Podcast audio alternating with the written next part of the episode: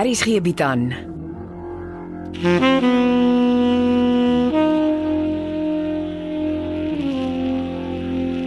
Beproeving deur Jo Kleinhans.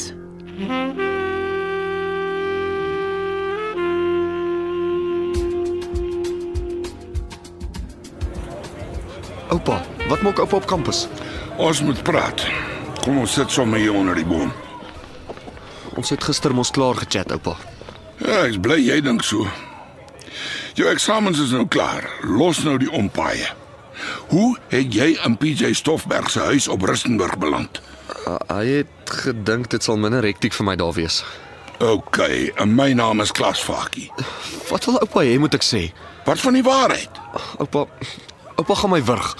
Ek wurg net dom mense. Ek ek het gedink ek help oupa. O, nou is dit my skuld dat jy dom was. Dis nie wat ek sê nie, oupa. Ja, jy sê nie jy's iets nie. Oupa se PA het gesê dit sal help as ek nog 'n trippie vir die kunsateljee doen. En e hoe in die lewe het jy in PJ by die gevolgtrekking uitgekom? Ek het dit mooi verstaan nie en ek het ook nie veel vrae gevra nie. Want jy het klaar die geld getel wat jy gaan bank. 'n Soort van. Dr Becker was toe ook al klaar by my gewees. Oor wat? Oor kort trippies in die vakansie, veral in my afmiddag. Maar oupa was nie veronderstel om dit te weet nie. Een ding op 'n slag. Het jy toe vir PJ gehelp? Ja, ek is die dag na my eerste vak derps toe en ek het 'n nag oorgeslaap. En hoe het dit nou vir my en PJ gehelp? Op pad derps toe het PJ my naby Heidelberg by 'n garage laat aftrek. Ek moes vir 5 minute lank in die toilet sit en toe kon ek weer ry. Niks wat jy sê maak sin nie. Ek dink PJ het die tyd wat ek in die loo gesit het gebruik om my pakkie met sy pakkie om te ruil, Maar wat laat jou so dink? omdat iemand agterna by my flat en my motor ingebreek het. Iemand het die pakkie kom soek. Hm. En toe besef PJ jy is in groot moeilikheid en hy stuur jou Rustenburg toe. So iets, ja, pa. Dit's onnosel verby. En waar is die verdomde PJ en die pakkie? Oupa moenie vir my vra nie. Hy werk mos vir oupa. Ek het hom nie weer met 'n oog gesien nie. Hy is net missing in action. Ek draai sy bloody nek om. En wat is Becker se storie? Ek het uitdruklik vir hom gesê jy lewer nie weer hulle pakkies af nie. Hy het mooi gevra dat ek kort trippies vir die kunsateljee in die vakansie moet doen. Die man het ook nie ore nie.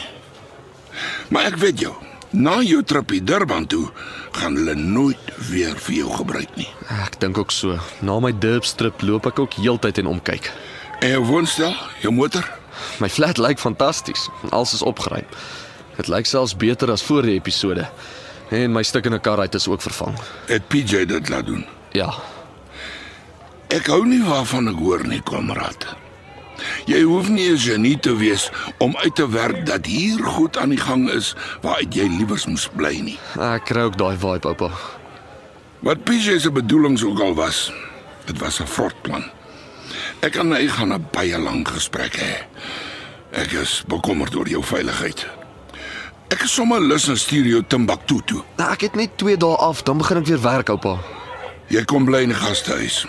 En wanneer ek in my nuwe huis intrek, kom bly jy eers by my. Ek bly lekker in my flat, oupa. Jy maak soos ek sê tot ek voel jy is veilig. Dis die einde van die gesprek, meneertjie. Jy wil mos trippies met die duiwel agter my rug reël.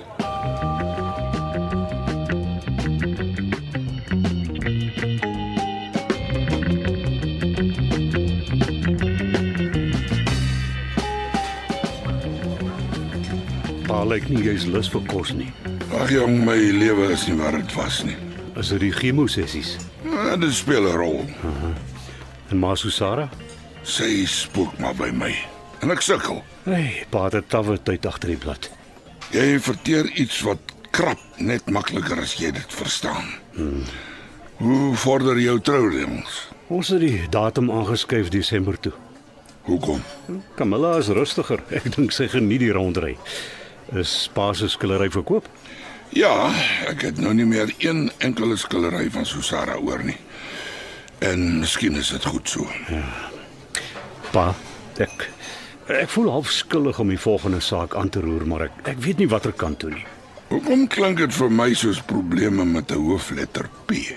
Dit is ongelukkig. Nou kry dit van jou bors af. Dit gaan oor Sofia van Tonder. Nog 'n vrou wat nie tot rus wil kom nie. Pa kan dit weer sê. Wat van Sofia? Wel, dis 'n storie wat my skielik aan die kort hare beet het. En ek sien amper nie lig nie. Sofia se man het 'n dag of wat gelede by Amelia uitgeslaan. Hy glo steeds vas ek het Sofia vermoor. En nou soek hy inligting en fotos wat Amelia besig is om van Molly se gebreekte laptop terug te kry. Molly en Amelia het een of ander rekenaarprogram geskep waar waardevolle inligting gestoor kan word. Maar is inligting en bewyse wat my dalk in diep moeilikheid kan kry. Al is ek onskuldig. Morkelwag. Kom ons praat vir eens en altyd oor die karstampery. Pa, dis my groot probleem. Ek het Sofia se motor gestamp, maar nie toe sy op die oop pad bestuur het nie. Nou wanneer dan? Haar motor was voor haar salon geparkeer. Ek het haar verbygery, omgedraai en van pure beneuktheid aan haar motor vasgery. Terwyl die kar geparkeer was en sy nie in die kar was nie. Ja. As daar fotos is wat haar kar van voor af wys, sal pa sien haar se duik in die voorste buffer. Ek het haar kar in 'n eysterpaal ingestamp. Dit moes 'n duidelike merk gelos het. Maar uh, dit sal dan fotos wees wat geneem is voor sy verongeluk. O- En onthou, sy is met die ongeluk die veld in, binne in 'n boom in en dit het haar lewe gekos. So jy weet nie met watse fotos Amelia sit nie. Nee, Die kind skok my elke dag 'n bietjie meer. Ek kan nie glo sy pers jou nou af nie. uh, sommer 1,2 miljoen rand en dis nie peanuts nie. Eers vaar sy met die jagmes in jou meentuis in en nou pers sy jou af. Lyk vir my die kind se kop los haar ook maar lekker met tye. Ja, ek kan nie aan trou dink terwyl die wolk nog oor my kop hang nie. Ons soek 'n foto voor die ongeluk wat wys daar is 'n duik in Sofia se voorste buffer. Ja, Meer nog, ons soek 'n ooggetuie wat gesien het hoe stamp jy Sofia se kar van voor af voor haar salon. Ja, maar dis die belangrikste aspek van die hele saak. En ek het nie 'n idee hoe en waar ek die bewyse moet kry nie. Het iemand uit die salon gestorm toe jy haar kar gestamp het? Ek het nie gewag om te kyk nie. Ek het net gerewers en weggery. Maar iemand moes dit tog gesien het. Daar moes 'n slag gewees het. Ja, miskien kan PJ navraag op Rustenburg doen. PJ is baie besig. Goed, los die saak vir 'n dag of twee by my. En wat gaan pa maak? Ek sal met PJ Kokos. Ek kom terug na jou toe. Dankie. Kom ons hoop maar Amelia kom tot haar sinne en ons kan die saak uit die polisie se hande hou.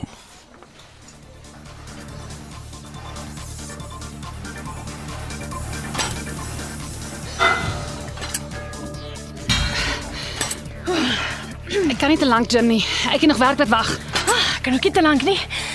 Oeh, ek en Konrad gaan môre bietjie stap. Ek moet my goed vir die trip bymekaar gaan kry. Is nice. Ah, ja, maar uh, net as vriende. Is cool. Oeh, gelukkig is jy en klein Amelia klaar met die TV-produksie vir die jaar. Ja, een krisis minder. Hm? Is jy verder oukei? Ja, hoekom? Lyk dit nie so nie. jy klink liggies geïrriteerd. Oeh, is die polisiekaptein weer op jou keus? Nee, ek het lanklaas van hom gehoor. Ah, dis goed. Ek hoor Martha het 'n dag kom uithelp. Ja, my ma was siek. Is sy beter? Epikoners soos gewoonlik. Ah. Oh. Sit ons altyd aan. Uh, ma- uh, terwyl jy van haar praat, mag ek jou iets vra? Solank dit nie geld is nie. Amelia, is jy 'n aangenome kind? Wat laat jy so iets vra? Iemand sê my nou die dag jou ouers is in 'n motorongeluk dood. Toe neem Henk en Helena Rousseau jou aan en maak jou groot as hulle eie. Wat jy vertel? Wa- Was jy by my ma? Nee, Dit was Morkel. Hy was by haar. Dis hy wat by jou stories aandra. Hy probeer natuurlik sy bes om jou en Konrad weer bymekaar te kry. ja, hy het my vertel. Die mislike man moet uit my lewe uitpad gee. Jou ma het hom uit haar eie vertel. Sy skyn my ma nie. Sy was dit nog nooit gewees nie. Nou verstaan ek hoekom julle twee nooit klaarkom nie. Wil jy regtig ons hele gym sessie oor my stiefma praat? Nee. eh, Daar's eh, iets anders wat my pla. Ah, nog iets waaroor jy en Morkel geskinder het. Is dit waar dat jy sy meentuis met 'n jagmes bygekom het? Die fuck. Nou sal die wetter natuurlik my naam loop in swart smeer. Dis 'n ernstige aanklag. En ek kan op jou gesig sien jy glo. hom. Nee, dis waarom ek hier is. Ek het jou persoonlik om vra of dit gebeur het. Hy lieg. Morkel Ninaber is kwaad en gemeen omdat ek hom nie meer in my bed wil toelaat nie. Jy moes dit in die eerste instansie nooit gedoen het nie. Ek weet, ek weet, maar daai dae is verby. En ek sal dit waardeer as jy my kan help om die manie weg te hou. Dis nie so maklik nie. Klein Amelia is sy kind. Hy betaal onderhoud. Hy kan daai paar sente maar hou. Ek soek die manie meer hier nie. Jy is emosioneel en ek kan dit verstaan. Byt net eers vas. Gee my tyd om 'n plan te maak. Nou jy beter. En gou ook. Of ek maak self 'n plan.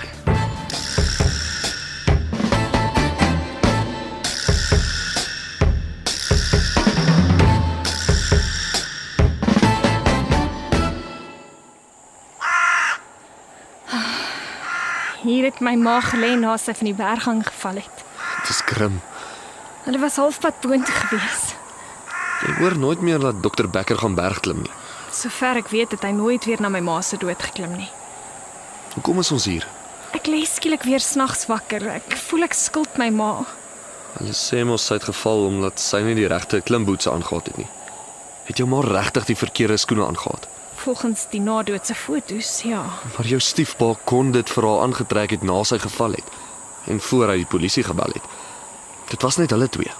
Hy sou haar mos gesê het as sy nie die regte skoen of boete of wat ook al aangetree het nie. Hy sou dit mos gesien het. So jy dink hy lieg. Natuurlik lieg hy. Hy het haar gestamp en toe vra die verkeerde skoene aangetrek. Dis 'n pity daar's nêrens 'n foto van hulle teen 'n berg hang nie. My ma het daardie dag vir my twee foto's gestuur, maar nie een van hulle wys haar voete of haar skoene nie. Moenie nou omkyk nie, maar uh skuins agter ons onder die boom met 'n ou uit 'n swart SUV geklim. Wat van hom? Hy kyk met 'n verkyker teen die berg hang op, maar kort kort swaai sy verkyker na ons rigting toe. Ken jy hom? Dis dieselfde dude wat 'n dag of twee by my flat rondgehang het, voor daar by my flat en my motor ingebreek is. Maar dan het hy ons mos al die pad hierheen agtervolg. Ek is seker daarvan. Ons moet kyk of hy weer agter ons aanry. Dis nie nodig nie. Ek dink hy is gestuur om te kyk waarheen ons ry en wat ons hier doen. Maar wat maak ons nou? Neem foto's met jou selfoon. Lyk of iets jou jaag of jy hier is vir 'n rede. Laat hom worry. Kyk in die rigting wat ek die fotos neem. Dit moet lyk of ek en jy 'n serious discussion het.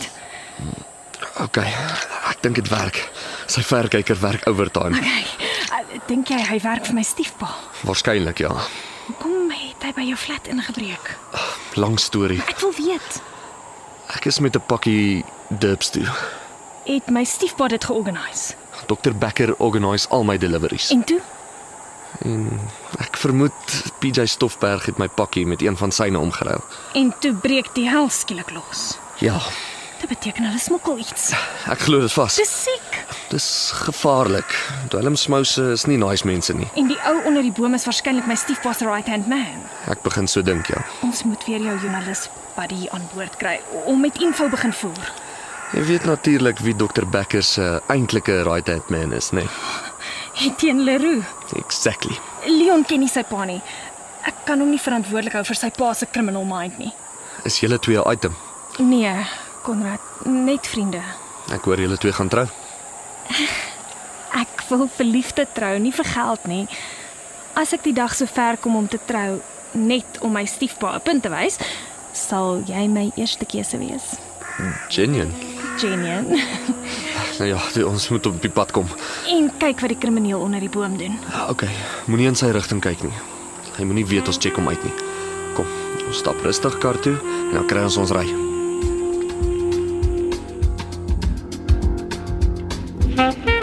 Dit was episode 49 van Beproewing deur Jo Kleinhans.